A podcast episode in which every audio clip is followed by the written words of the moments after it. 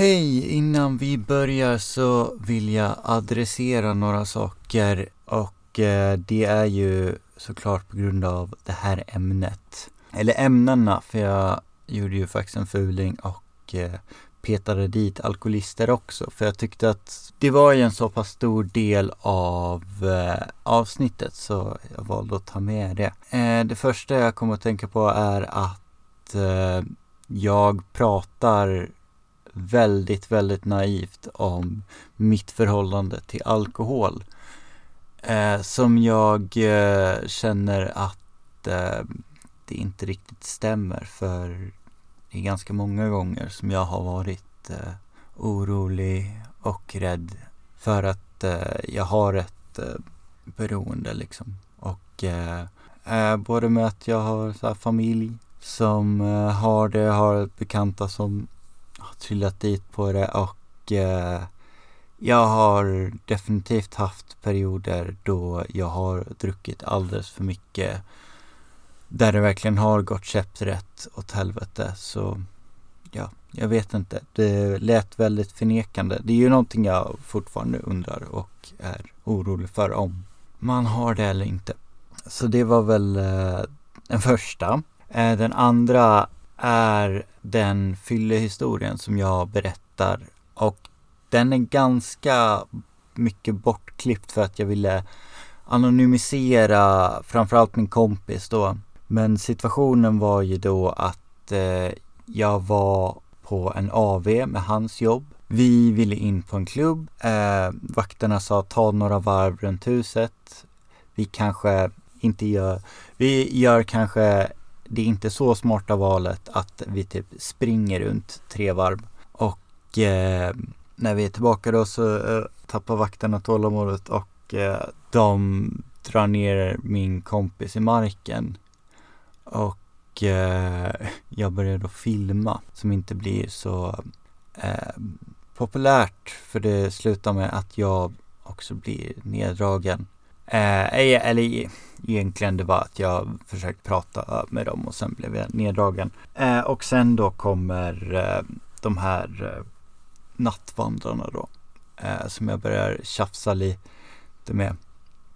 Eh, jag vill egentligen ge den kontexten. Hade det bara involverat mig så hade jag låtit det varit klippt så som det var. Men i och med att det ändå involverar min kompis så vilja jag göra det. Det var också en upplevelse som jag som ni nog också kanske hör eh, att jag reagerar väldigt starkt på och det var någonting jag märkte att jag re reagerade på även när jag lyssnade på det. Så det var nog bara en jobbig upplevelse. Ja, uh, framförallt så valde jag jag kunde ju ha klippt bort det helt, men jag tyckte att Eriks svar var så pass eh, bra att eh, jag ville ha kvar det.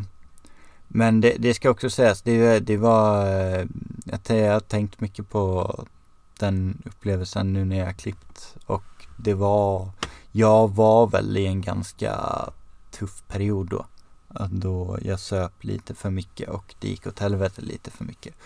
Äh, men det, det ursäktar ju ingenting heller. Men hörni, man kan ju faktiskt eh, gilla den här podden på Facebook och eh, Instagram. Så det tycker jag ni kan göra. Men eh, nu kör vi igång avsnittet. Jingel är gjord av Ralf Kristiansson. Jag fattar inte.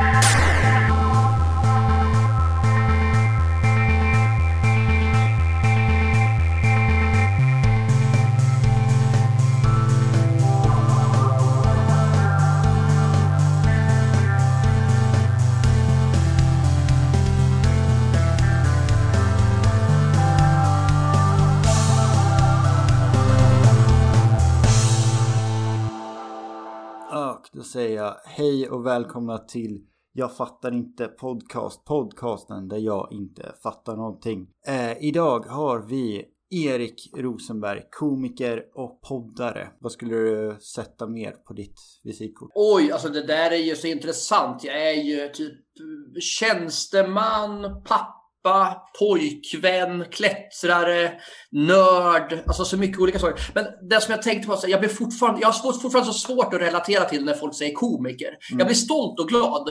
Men jag, jag tänker så här, komiker, det är de som är roliga på riktigt, tänker jag alltid.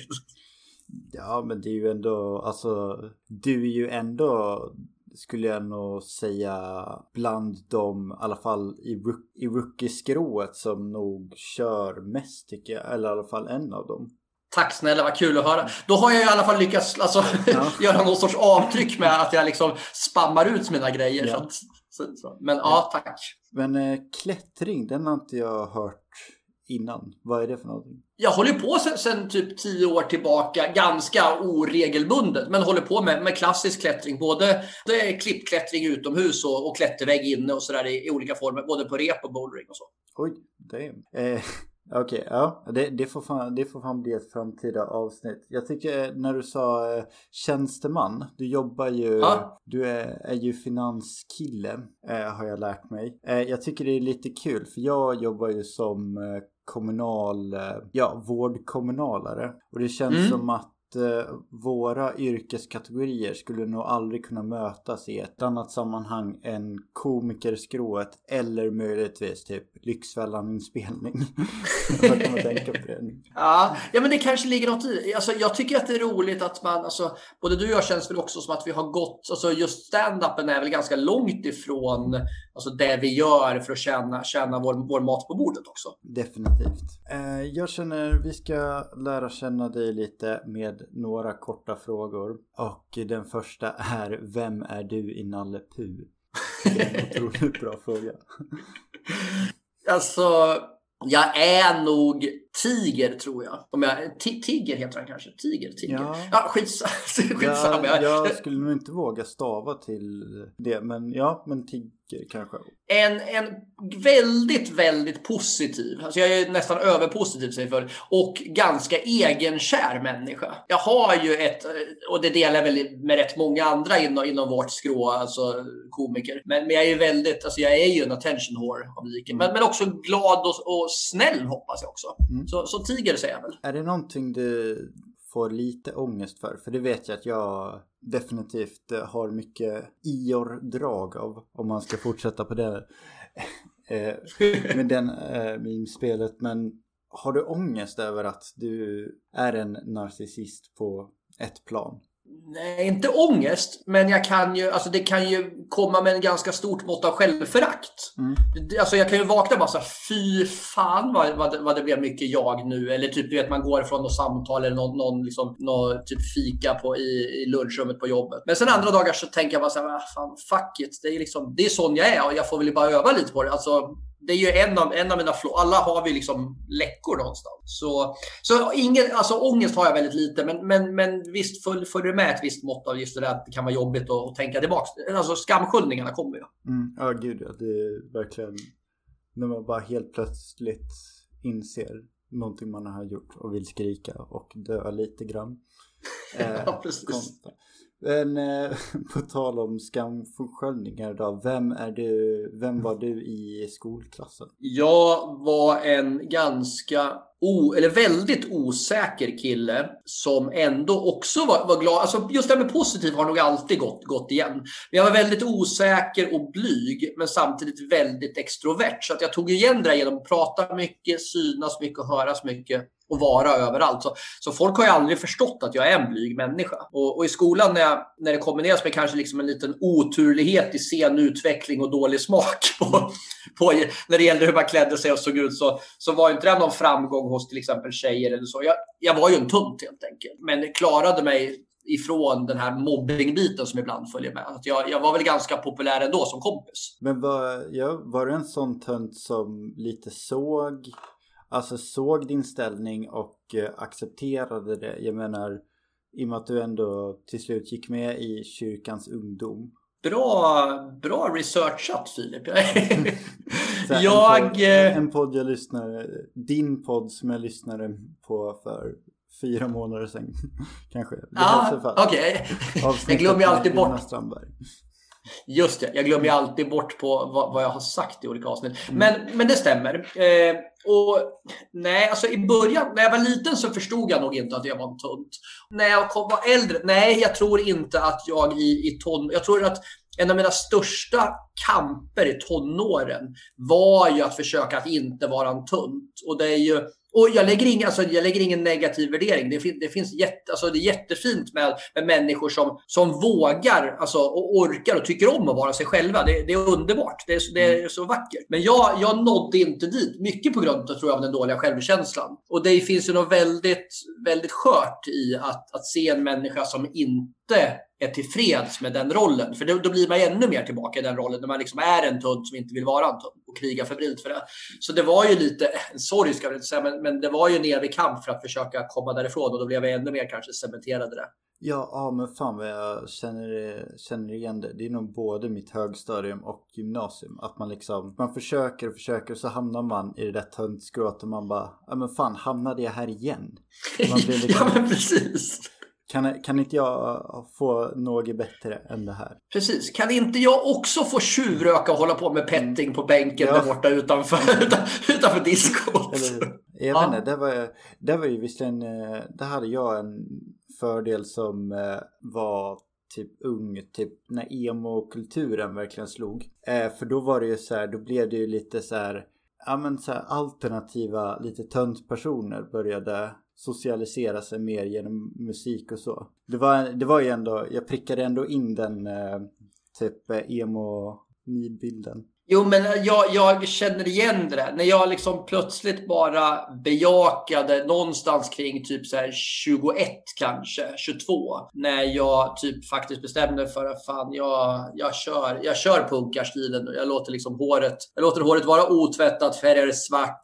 Jag skiter fullkomligt i hur mycket piercingar jag har på mig och sen så typ trycker i mig så mycket sprit som möjligt så, så var jag i alla fall kanske inte så jävla attraktiv för att jag alltid var för full men jag var fort, inte längre någon tunt på det sättet. Och det låter ju, alltså fy fan vad det låter alltså patetiskt på något sätt för att jag, jag väljer, alltså jag tycker ju att alltså den tunten var ju en mycket mer likeable kille än den personen jag blev. Mm.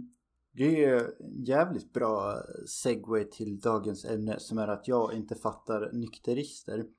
eh, och jag tänkte först att jag kan måla upp eh, lite argument varför jag inte förstår eh, dem. Eh, för det första så nog mitt största problem med folk som egentligen bara vill eh, alltså bli av med dåliga vanor behöver inte bara vara alkohol jag fattar liksom inte riktigt varför man ska begränsa sig. För jag som kommer från, jag brukar säga att jag, var, jag varit hjärntvättad som ung. Inte helt eh, sant hjärntvättad. Men jag var väldigt eh, aktiv i Vänsterpartiets ungdomsförbund när jag var ung. Mm. Och där var det, jag vet inte, jag tror jag har haft svårt för det idag för att jag genom den sociala klicken fick det inpräntat att ah, men, nej, men man ska inte göra det här, man ska inte göra så här, ät inte ifrån Israel, alltså säg inte det här. Så jag tror det liksom, jag fattar inte den begränsningen nog min bild av att nykterister gör liksom så här, nej men inte det, det är farligt och... Ja, jag förstår precis. Och, för jag håller ju med dig. Jag har ju också varit aktiv i, i politiska ungdomsförbund på vänsterkanten. Inte jättelångt till vänster, men ändå sådär. Och just problemet är en del, alltså jag sympatiserar mycket med, även om jag typ kallar mig själv för någon sorts socialliberal numera. Även om jag, mm. jag, jag, tycker inte så mycket om att diskutera politik, men, men när jag är där så är jag väl någon sorts mitten, mellanmjölksmitten sådär. Men, men jag var mycket mer vänster när jag var yngre. Och problemet med, med stora delar av vänstern kan jag tycka är ju den här dogmerna. Att mm. du måste ju vara så här och så här och så här, för annars är du inte vänster. Ja, ja men precis. Alltså det är ju lite som eh, så här, ja men visst vi skiter i de här eh, influencer-tjejerna eh, som bara snackar mode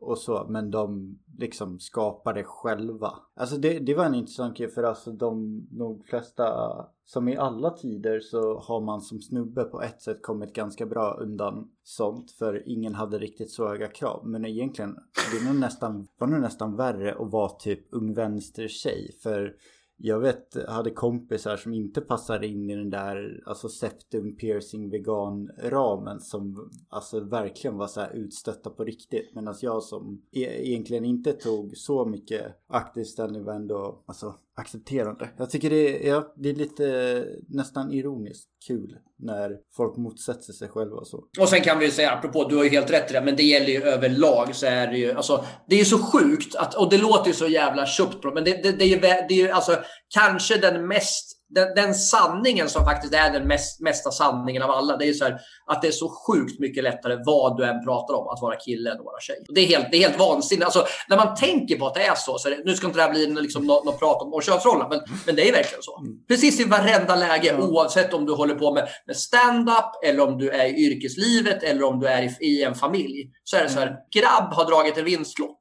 Ja, men eller jag vet inte, porrbranschen, är det inte jobbigt att göra det och vara kille i den? Nu tänker jag verkligen bara så här djävulen som... Alltså grejen är så här, tjej, ja, men de, de, de kvinnliga skådisarna, visst, bättre betalda. Men om du kollar andelen som blir... Alltså grejen är så här, jag ska också säga, jag är väldigt porrliberal. Men andelen kvinnor som blir utnyttjade i porrbranschen jämfört med andelen män som blir utnyttjade, och då pratar jag alltså, alltså mm. typ sexuellt utnyttjade och så, mm. måste vara så oerhört mycket högre bland kvinnor. Där också. Mm. Även om liksom, det finns toppen bland kvinnor tjänar mer. Så, så nej, fan inte ens där tror jag att det är lättare att vara tjej i porrbranschen. Men vad fan, det, det, var, det var en avstickare. Ja, Svaret på din ja, fråga. Absolut, snälla. Det, jag älskar avstickare. Det är svaret på din fråga. Fortsätt. Svaret på din fråga är att det är klart som fan att jag är ju liksom så här, jag tycker inte heller att man ska liksom vara så jävla dogmatisk hela tiden. Men i mitt fall så har ju nykterismen en direkt koppling till att jag inte kan dricka lite sprit. Mm. Utan för mig så är det så här, precis som med allt annat jag gör. Och det har med klättringen att göra som vi pratade om tidigare också. Alltså gör jag någonting så gör jag det liksom fullt ut. Jag har bara av och på. Så ska jag dricka så ska jag dricka varje gång som om det inte fanns någon morgondag. Mm. Jag har liksom jämfört det någon gång med så, liksom så här, du lämnar ju inte bion förrän filmen är slut. På samma sätt så liksom, så jag, jag drar inte två öl och sen går hem, utan ska vi dricka öl, vad det än gäller, även om det är liksom en AV på jobbet, så ska vi dricka 15 öl. Och sen går vi hem klockan 11 imorgon bitti. Hur eh, många år har du varit eh, nykter nu då? Och när bestämde du dig för att spola kröken så att säga? Jag har varit nykter i somras. Som, sommaren som gick var det 16 år som jag varit nykter. Helt, helt nykter. Är det 46? 47? Ja, more, 47. Ja. Mm. Eh, så, så, så jag var 31 nästan när jag, blev, när jag blev nykter. Och då hade jag kämpat ganska många år med att försöka hitta någon sorts sund relation till till alkohol. Jag går väl inte och skriker ut det, men, men på en fråga så, så jag, jag betecknar mig själv som en nykter alkoholist. Men det, var, alltså, det gjorde jag ju inte ens, det var inte från dag ett när jag slutade dricka, utan det tog ju flera år. Alltså, jag har ju haft en ganska bakvänd resa. Det tog flera år från att jag alltså, slutade dricka tills jag verkligen sa att jag är nykter alkoholist. Det kanske var fem år efter. Liksom. Det, det är ju en intressant eh, stickspår, för det blir ju verkligen, det är ju typ motsatsen till en, eh, till en nykterist är ju självfallet en alkoholism eller alkoholist är ju form av missbrukare och så. Vad är det för, eh, för vi drog ju massa fördomar om nykterister. Vad är det som, eh, vad är det folk har för fördomar om särskilt nyktra alkoholister? Ja men dels, alltså det är ju, generellt sett tycker jag det har blivit mycket bättre. Jag tycker man möter en ganska stor förståelse och det är, det är ingen större stigma längre.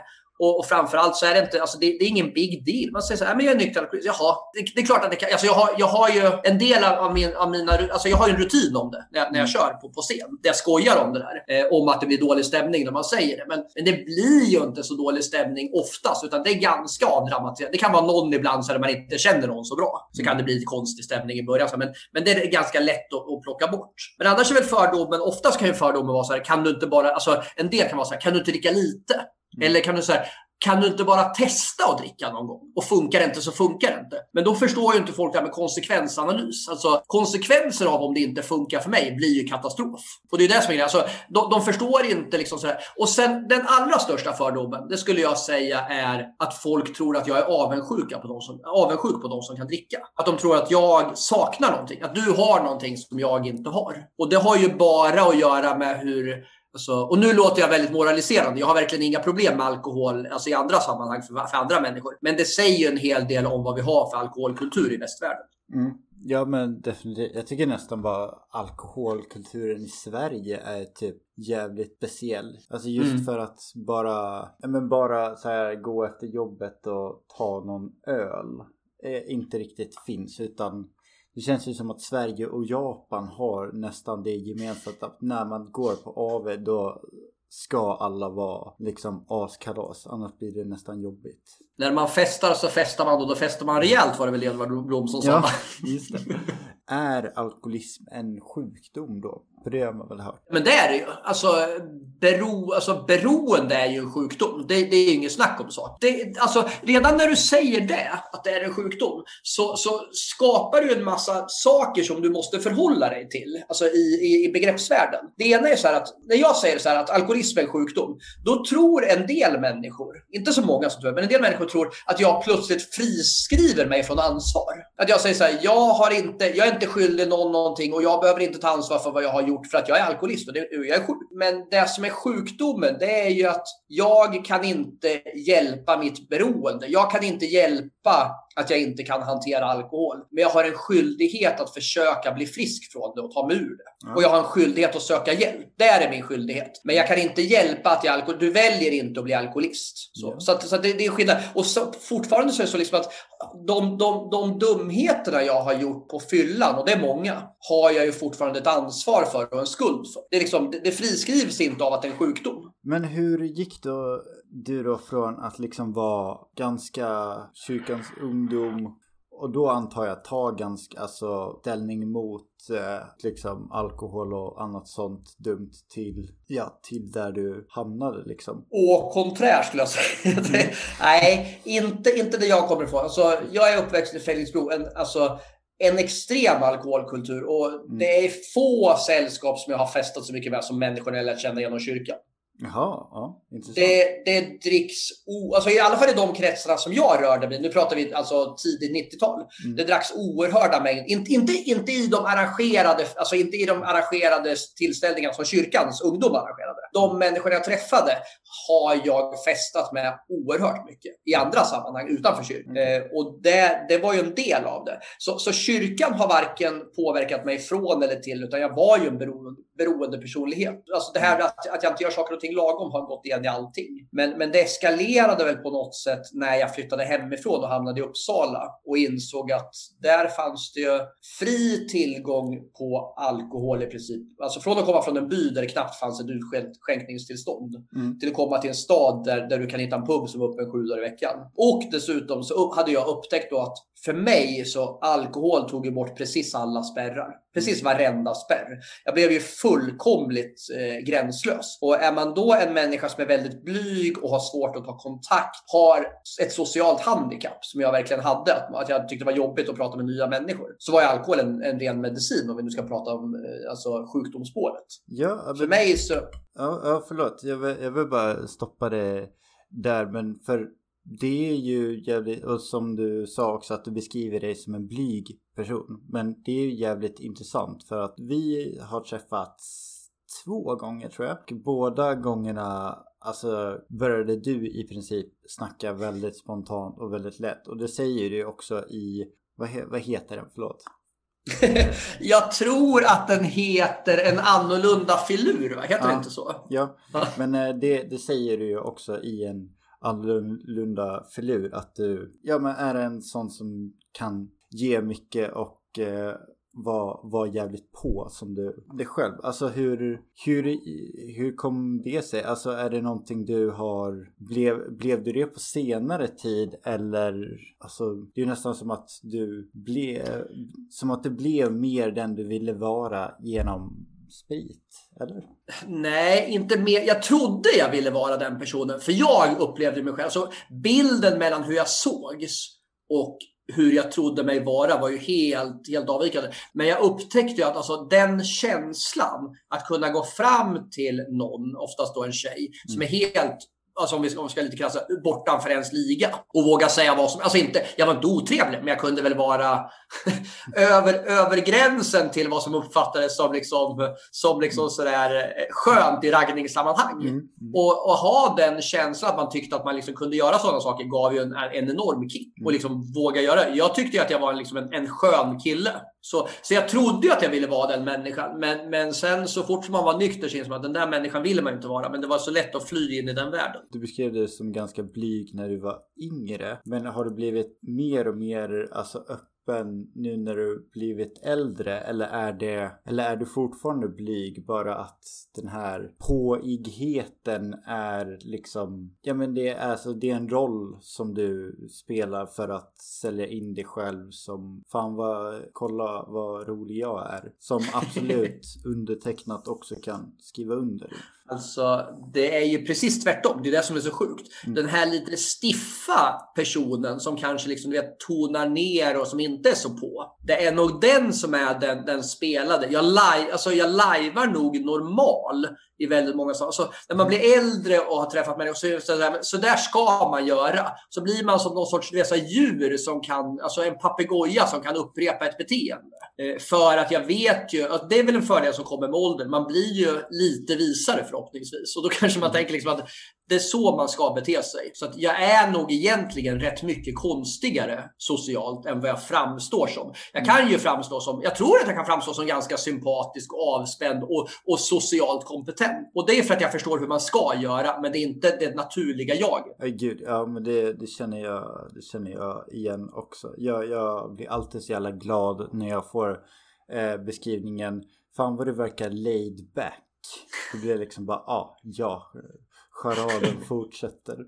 Ja, precis. Alltså, jag minns jag blev så jävla lycklig. För jag, jag tycker ju om människor som brinner, som är på. För jag brukar ofta säga så här, jag kan uppfattas som, som för på. Alltså jag, mm. att jag liksom är i folks ansikte. Och jag blir glad när människor är så själva också. Liksom så här, lite, lite på. Och om jag liksom ska hänga ut dig lite här, så jag, blev, jag minns ju vårt första möte. Det är inte så många månad, månader sedan. Nej, nej, faktiskt inte. När du kom fram till mig och Madde, för, för lyssnarna, Madde är min, är min tjej. Mm. Eh, när vi var på, på Lund, eh, Lunds humorfestival så satt mm. vi i lobbyn där, där, alla människor samlas på kvällarna. Och du kom ju fram och sa lite, nu ska jag inte, nu är det ingen självskryt lite raljant på skoj tror jag sa, Känd, kända från podcast eller något sa du och tittade ja. på oss.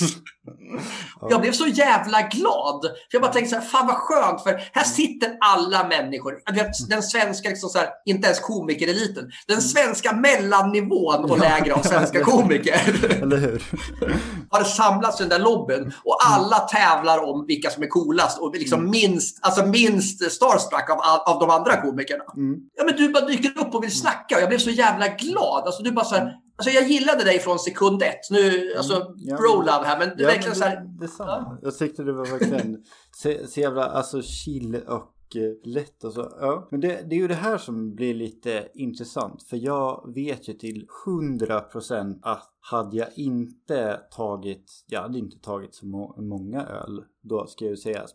Men hade jag inte tagit typ de två ölen eller något så hade jag ju aldrig vågat säga det. Så Nej. Ja, för det är ju det nog också att, ja men just med det här med eh, begränsningen att, ja, jag vet inte, jag, jag tror inte jag, det här självförtroendet om man just ska snacka alkohol kan nog jag känna att jag behöver ibland. För annars kan jag nog se mig också själv verkligen som någon som inte, ja men nog verkligen som kan vara lite mer i bakgrunden och laid back. Och så tänker jag ja men sen när jag står på scen då får jag möjlighet att vara mer liksom sprallig och skit. Och där önskar jag, för jag tänker liksom att jag kan ju, jag kan ju, för jag, känner jätte, jätteväl igen det du säger.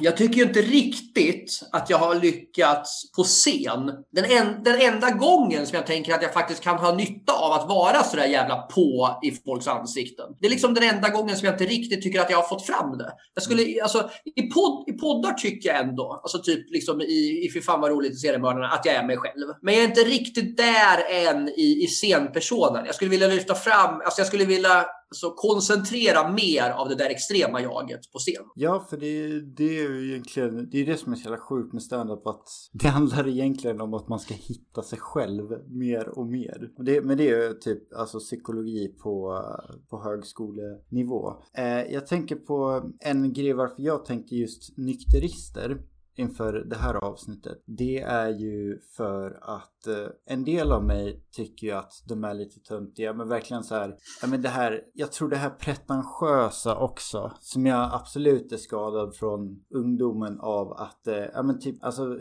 i brist på bättre beskrivning. Veganer. Alltså är i lite samma kategori att man liksom förhöjer sig själv för att man själv mm. har gjort rätt val. När, man, när jag egentligen har märkt när jag har blivit äldre att eh, ju mer slacks man ger sig själv desto gladare blir man. Men jag är nog lite rädd för alltså nykterister och typ jag tror den självdisciplinen också. Men eh, det är ju det här som är intressant som jag tänkte på att eh, jag är, jag är nog en av jag är en väldigt stor beroende människa. Det är typ så här.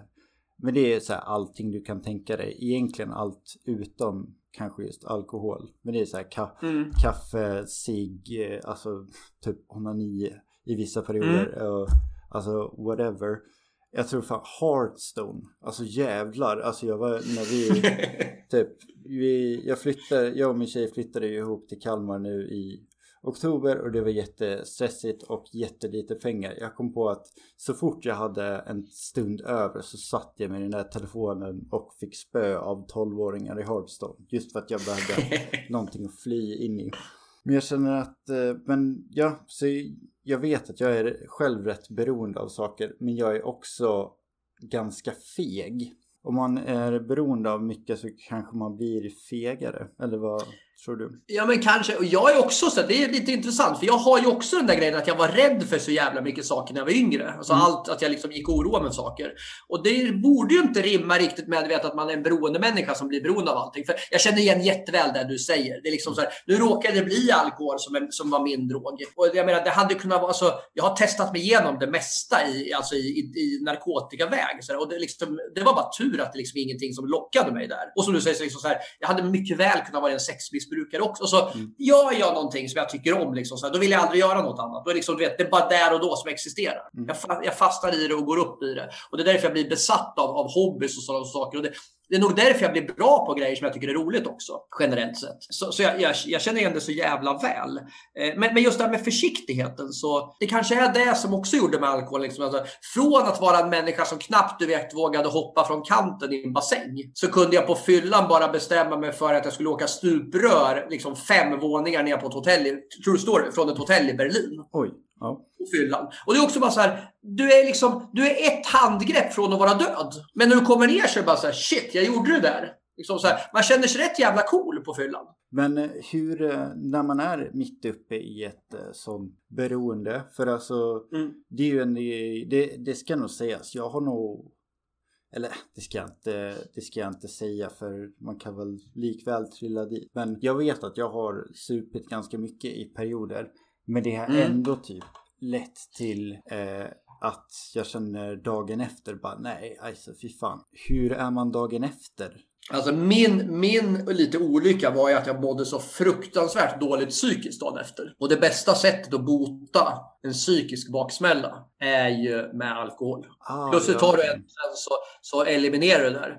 Och jag menar, det kommer ju till en punkt där jag verkligen alltså, hade bestämt. Alltså, jag har ju aldrig haft den här du vet, döds, alltså längtan, alltså Alltså att jag, att jag har slutat tappa lusten att leva. Men jag har kommit till en punkt som jag tror inte går att förstå om man inte är där. Där jag verkligen har tappat lusten på att vara nykter. Alltså alltid. Jag känner så här, jag vill aldrig... Alltså, det är som, lite som att, veta typ att du, du går in, alltså typ Narnia-världen. Du öppnar mm. den där dörren till den där garderoben. Och så tänker du, jag vill aldrig tillbaka till den vanliga världen igen. Jag vill vara kvar i den här världen för evigt. Och jag menar, som längst så var jag innanför den där dörren i 90 dagar. Det Ja. Nu, nu är det kanske jag som vårdpersonal som kommer in men verkligen, men också verkligen så här ADHD-person spontant tänker på hur, alltså är det någonting fysiskt du känner av? Av att det ändå var, varit eh, x antal år jag har, all, jag har alltid sagt nej på den frågan. För jag har gjort så läkarundersökningar efteråt. Alltså inte, inte så att jag har gått och tänkt att jag måste kolla. Utan, utan i samband med typ att man har fått någon årlig läkargenomgång på jobbet. Och, så. Och, och jag har ju förvånansvärt bra, alltså jag har bra levervärden och liksom så bra, bra, alltså typ jag har ju lyckats, så här, typ, jag sprang en halvmara för ett och ett halvt år sedan. Och liksom, så, här, så, så bevisligen så har det inte alltså, så jag har alltid sagt nej. Men jag inser någonstans att jag tror att det har nog fan satt sig, inte på, inte på beteendet så mycket, men på minnet. Det, alltså det känns ibland som att jag har typ druckit sönder en del minnesceller. Det är saker, alltså jag kan träffa människor som bara, fan den här människan umgicks jag dagligen med i två år. Alltså dagligen. för 20 år sedan och jag kommer inte ihåg den här människan. Är bara en svag, svag liksom, silhuett på, på en minnesvägg. Och det är ju en sorg. Alltså någonstans känner jag, om det är så, så hade jag ju mycket hellre tagit en halvtaskig lever. Ja, verkligen. Uh, man ska gå ifrån uh, den här ro rollen om att det här ska vara lite skönt avspänt samtal. Uh, alkohol, alkoholdemens är ju ganska vanligt. Och det är ju ganska ja. mercy, merciless också. Där du bara går ifrån. Vi, en, en dag så har man glömt bort allting liksom.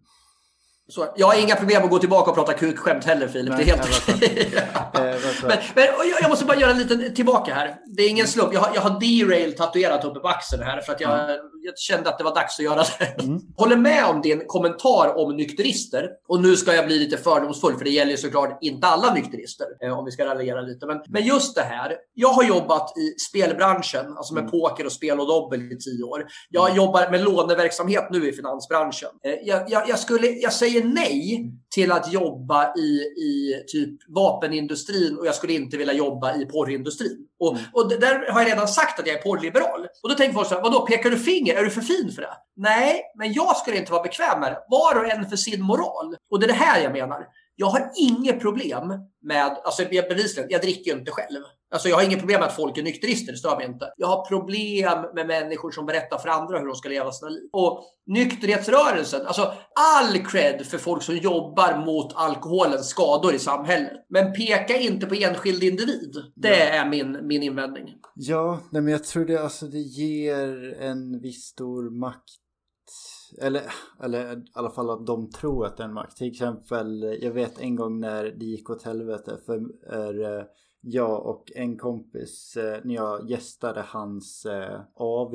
Nej, men en kort, lång historia kort. Vi, vi blev eh, ner, alltså båda blev nerkörda av eh, varsin ordningsvakt när kvällen var slut. Och, eh, jag hävdar nog att det var inte vårt fel. Men då blev jag så jävla... Då kommer det fram eh, någon jävla mupp som är med i någon sån här eh, Uh, fasaner på stan organisation skäller hon ut mig. För att uh, vad fan håller du på att bråka om? Så jag bara, uh, men vadå? Det var ju han som drog ner mig. Nej, men jag, jag träffar, det känns som att jag har träffat väldigt många sådana människor som tar på sig den manteln av att ja, men jag gör ju det rätta här. Jag tar ju faktiskt ansvaret här så därför ger det mig rätt att då, jag har ju automatiskt rätt. Jag, jag förstår och det där, går, det där går åt båda hållen. För jag håller helt med dig. Och det, grejen är så här, jag har ju bestämt mig för så att jag, jag är ju väldigt öppen. Om folk hör av sig till mig via DM eller så här, liksom vill prata,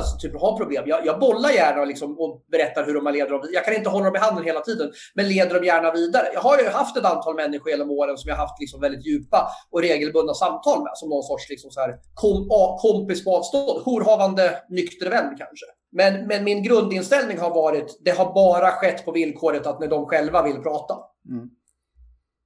Och det där tror jag är svinviktigt. Alltså människor som kommer och berättar liksom att du gör fel som dricker. Men om jag nu ska liksom raljera åt andra hållet så har jag inget som helst överseende för folk. Och det, jag tar inte det här som att, som att du tycker synd om dig själv. Jag har inget överseende med folk som, som grinar på, över att de liksom har liksom gjort dumma saker på fyllan. Eller ursäktar sig så här, äh, jag var ju full. Det är folk så I min värld så är det så här, hur mycket eller lite du än dricker så har du precis samma ansvar. för Alltså, jag var full är aldrig en ursäkt, någonsin. Nej. Nej. Utan du har exakt samma ansvar för dina handlingar när du är onykter.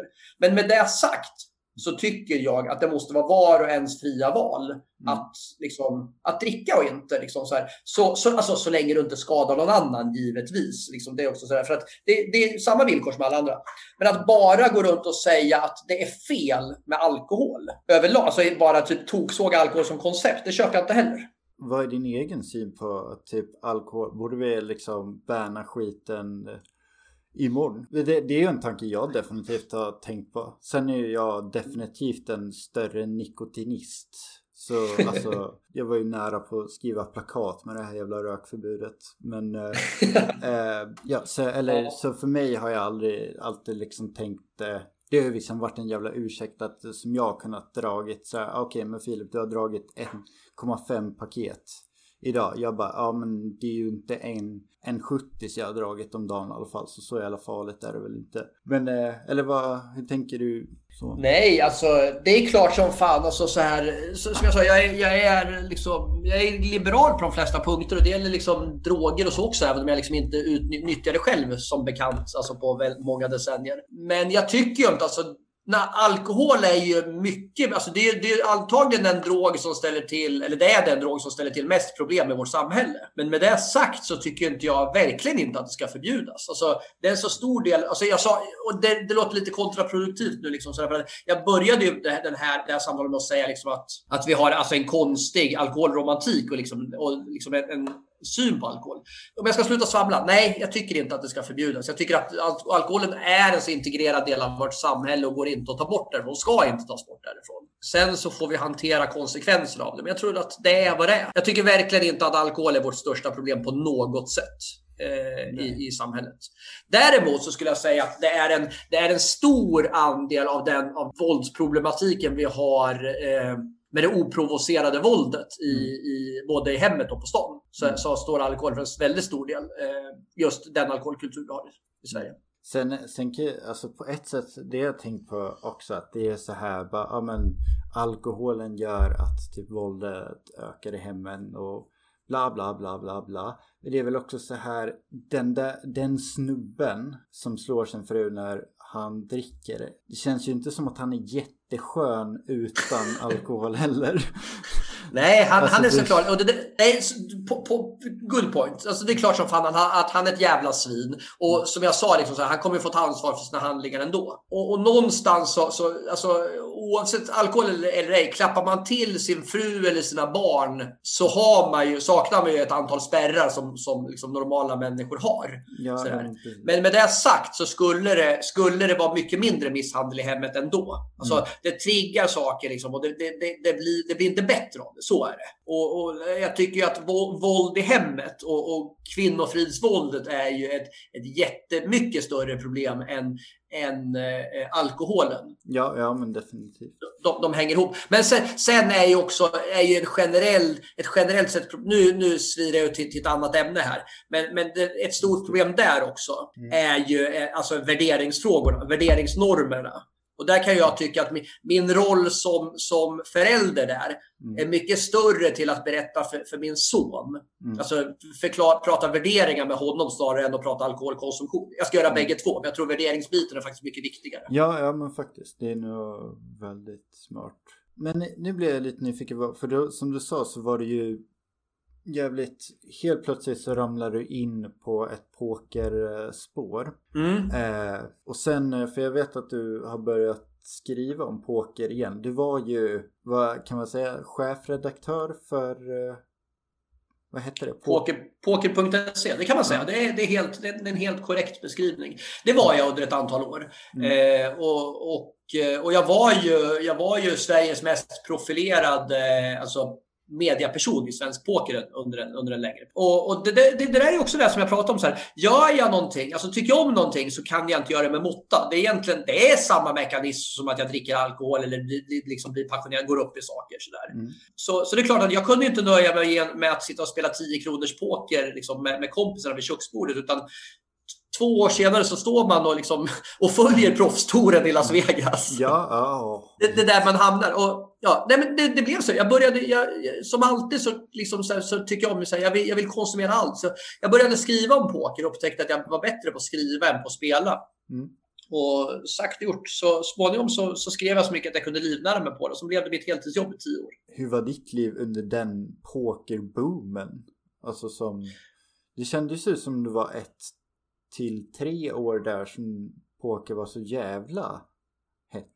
Ja, det, det, var galet. Jag kom ju in lite, lite senare än... Om någon, om någon hörde jaman i bakgrunden så är min katt som är runt och är tokig. Mm. Nej, men jag kom in strax efter att boomen var som störst. Pokerboomen brukar man säga in från 2006 till 2008 ungefär. Och jag började, jag började jobba på riktigt med poker 2010. Mm. Men, men det var ju, det är ju en väldigt, väldigt speciell värld. Eh, det är ju, det är, alltså, när man kan sitta då liksom och snacka med alltså, killar som är alltså, 22-23 år gamla. Och sen så säger en av dem liksom så här. Kan du, om du ska upp till hotellrummet, kan du hämta min hoodie? Ja, säger den andra killen. Ja, men du kollar så inte sedelbunten. Jag har 15 000 euro i en sedelbunt i hoodien så att den inte ramlar ut på golvet bara. Mm. Då går det med liksom 150 000 kronor. Det är, liksom, det är, en, det är en bil. Ja. En sedelbunt med en gummisnodd om. Eller bara liksom så, alltså, det är en konstig värld och samtidigt så är det en häftig subkultur. Och Nej, men det, det, var annorlunda att se det. Men, men det är konstigt. Det, det är svårt att, precis som jag pratade om liksom, med, med alkoholen, så liksom, det är svårt att vara inte i det, att, liksom, att förstå det. Påverkade det dig som är alkoholist, alltså i, att vara i sådana sammanhang? Alltså, det, min fördom är ju att det är en ganska vanlig åkomma i, särskilt bland pokerspelare. Eller ja, spelare så, överlag. Så är det. Eh, och det är intressant. Alltså, det är också tusan. Jag har faktiskt aldrig haft, alltså tendensen finns. Jag skulle lätt kunna bli spelmissbrukare, men det liksom, jag har inte fastnat i det, för jag har inte tålamodet. Det var det som gjorde, det var nog den största anledningen till att jag inte, till, till, till jag inte blir spelmissbrukare. Och jag brukar raljera lite och säga så här att jag är glad att jag slutade dricka innan jag upptäckte poker. Ja, För ja. annars hade det kunnat, jag hade nog lätt kunnat gått och plockat ut hela månadslönen och bara lagt upp på ett pokerbord och spelat. Oh, oh.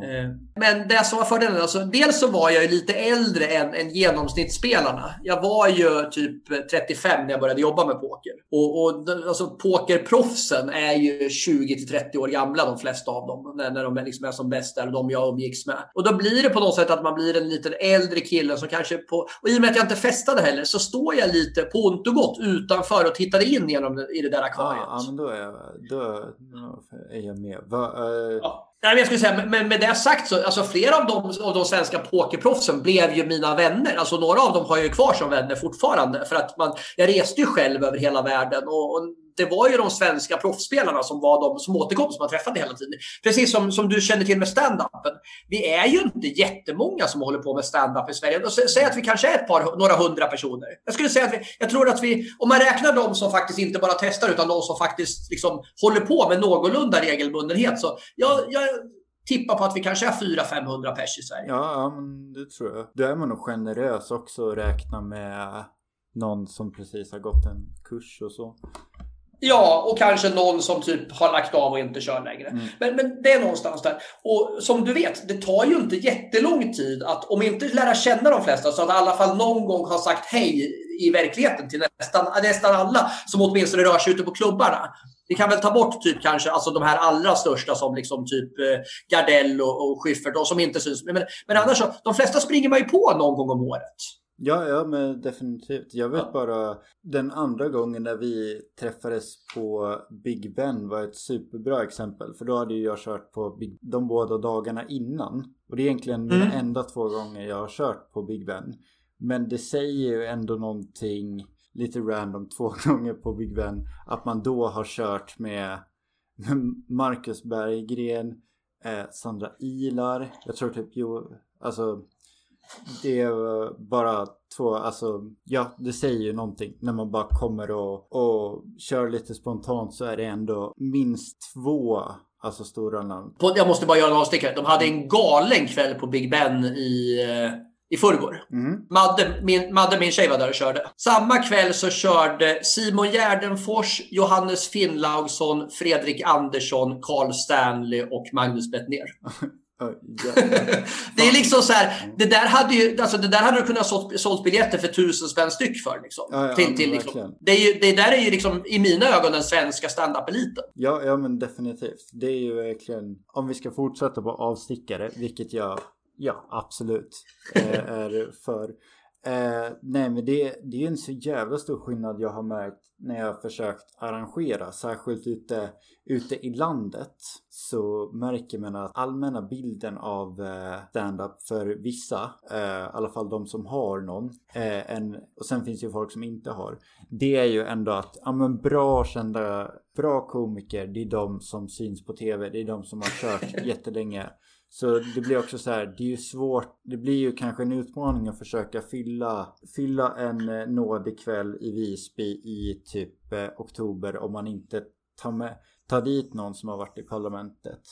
Nej, men jag förstår vad du menar. Alltså, tyvärr kommer ju, och tyvärr, alltså inget ont om honom, men tyvärr kommer ju liksom Hasse Brontén alltid att dra mer människor än vad Fredrik Andersson gör. Ja, ja men precis. Så är det. Och inget ont om Hasse är svinduktig. Men, men precis som du säger, liksom så att, och där finns det en likhet. Om jag nu ska, nu, ta, nu gör jag en segway här åt dig, mm. tillbaka till pokerspåret här. Ja. Men det är precis samma sak.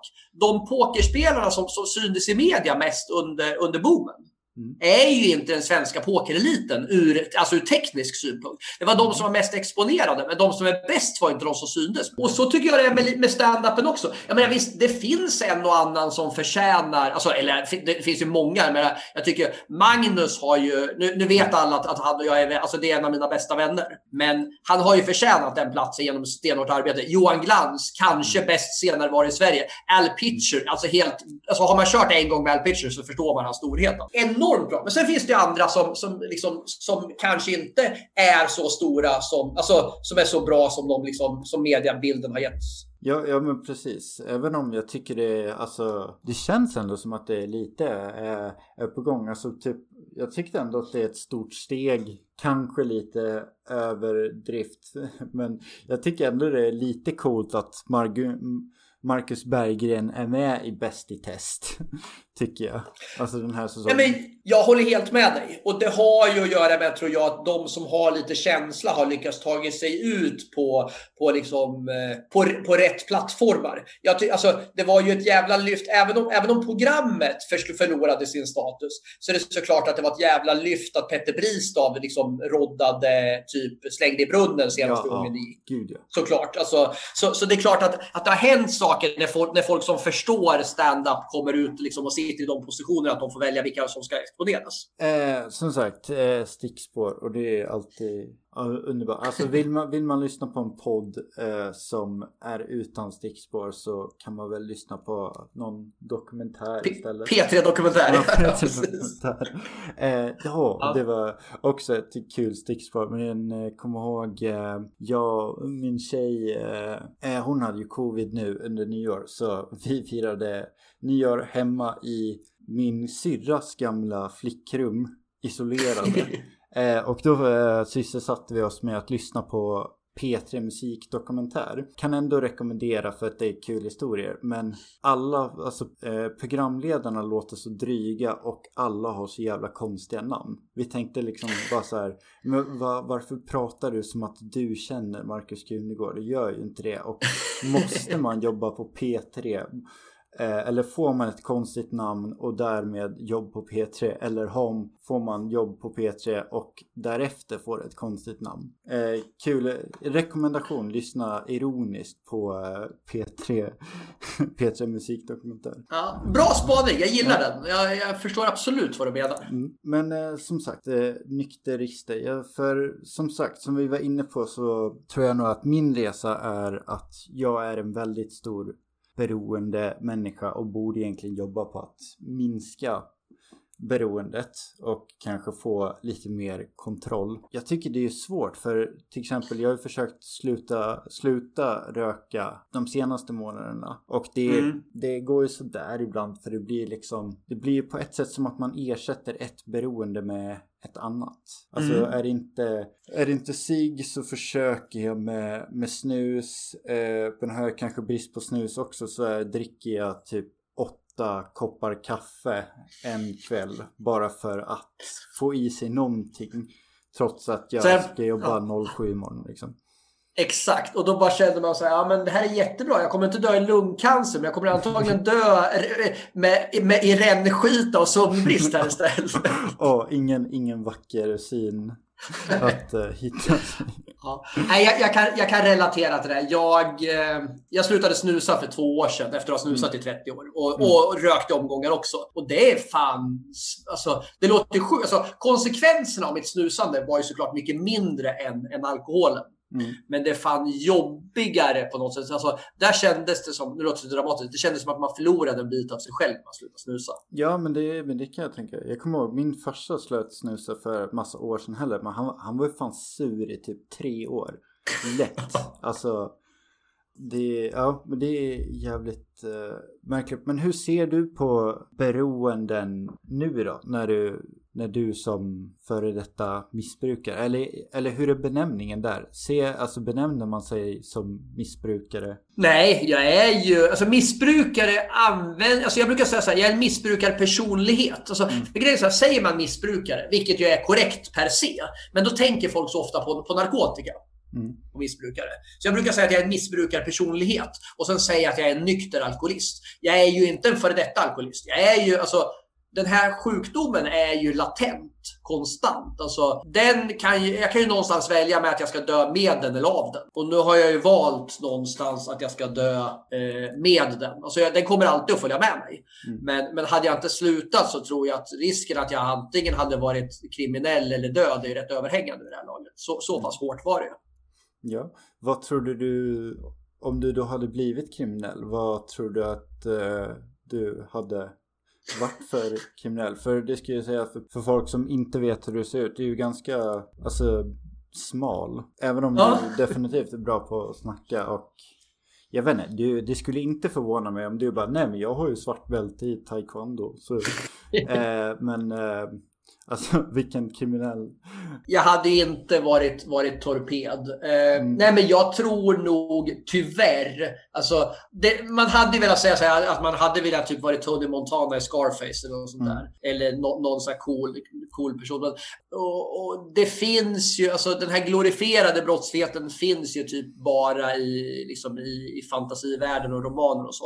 Mm. Jag hade ju varit en, en tra... Alltså jag är rätt säker på att jag hade varit en trasig hemlös småtjuv. För det är, nog där, det är nog där man hamnar. Alltså hemlösheten kommer väl som ett brev på posten när missbruk blir tillräckligt stort. Mm. Och sen så jag ska verkligen inte moralisera över de som hamnar den vägen. Sen får du göra vad du, vad du får göra för att få mat för dagen. Och då hade det nog blivit du vet, att göra inbrott här och där liksom, och snatt, snatta på den lokala ICAn för att få liksom, sådana grejer. Det är nog där jag hade slutat. Den moralen man har, alltså, som jag faktiskt har, att man ska göra rätt för sig och inte stjäla. Den går ju, den går ju bort liksom, till förmån för överlevnadsinstinkterna, tänker jag. Om du ska få göra lite eh, topplista är ju nästan fel ord. Men om du skulle dra upp tre händelser som eh, du tänker bara, ah, men fan, där borde jag kanske ha dött.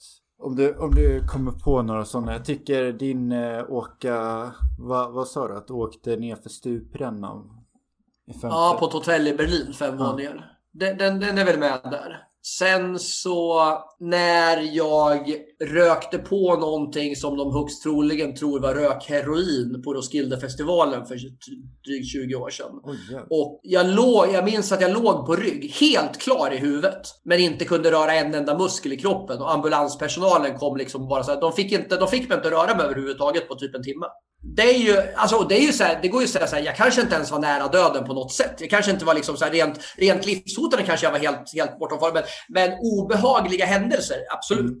Utan någon som helst tvekan. Och sen så har man ju hamnat i situationer, typ alltså gått i områden man inte ska göra, hamnat på fester man inte ska liksom vara på så att säga. Alltså hamnat i liksom sällskap. Alltså, Plötsligt sitter man liksom i en, i en förort någonstans liksom med människor jag, som jag har träffat samma kväll. Som jag inte vet någonting om. Det är fan alltså ganska obehagliga personer. Det är ju inte, alltså, det är fan inte så jävla lyckat alltså. Så, så den typen, att, att, liksom, att, att, att liksom verkligen hänga med helt okritiskt, fel sällskap tror jag också är, är någonting sådär. Sen, alltså, men, men det finns så mycket, alltså nattbadande liksom på, alltså så full som man knappt kan stå upp, liksom hoppa i vattnet när man inte vet någonting om liksom i, liksom i strömt vatten. I och med att vi kan avsluta på lite, lite positivt. eh, jag tänker så här, för du sa att eh, alkoholism kommer alltid vara med dig. Kan du känna att det är en del av dig och kan du se tillbaka på vissa delar av det som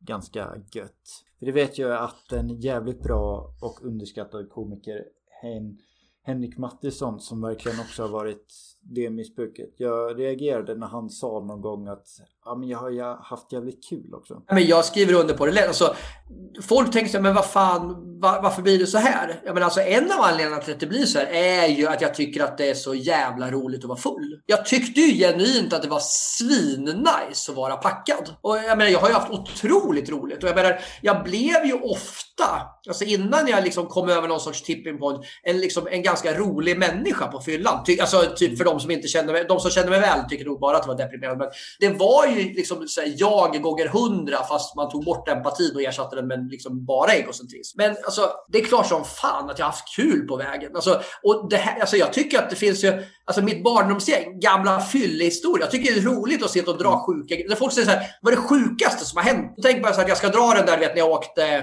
när jag åkte liksom typ stuprör ner i Berlin eller typ vet, när, när jag tog rökheroin. Men min favorithistoria när jag ska chocka folk. För då tänker man så här, man, man vill ju höra en historia, vet när jag vaknar upp med där så här 14 horor och 2 kilo liksom mm. kokain i handen. Men den sjukaste historien är när jag vaknar på mitt studentrum i Uppsala och det ligger en ouppackad elektronisk skrivmaskin i sängen.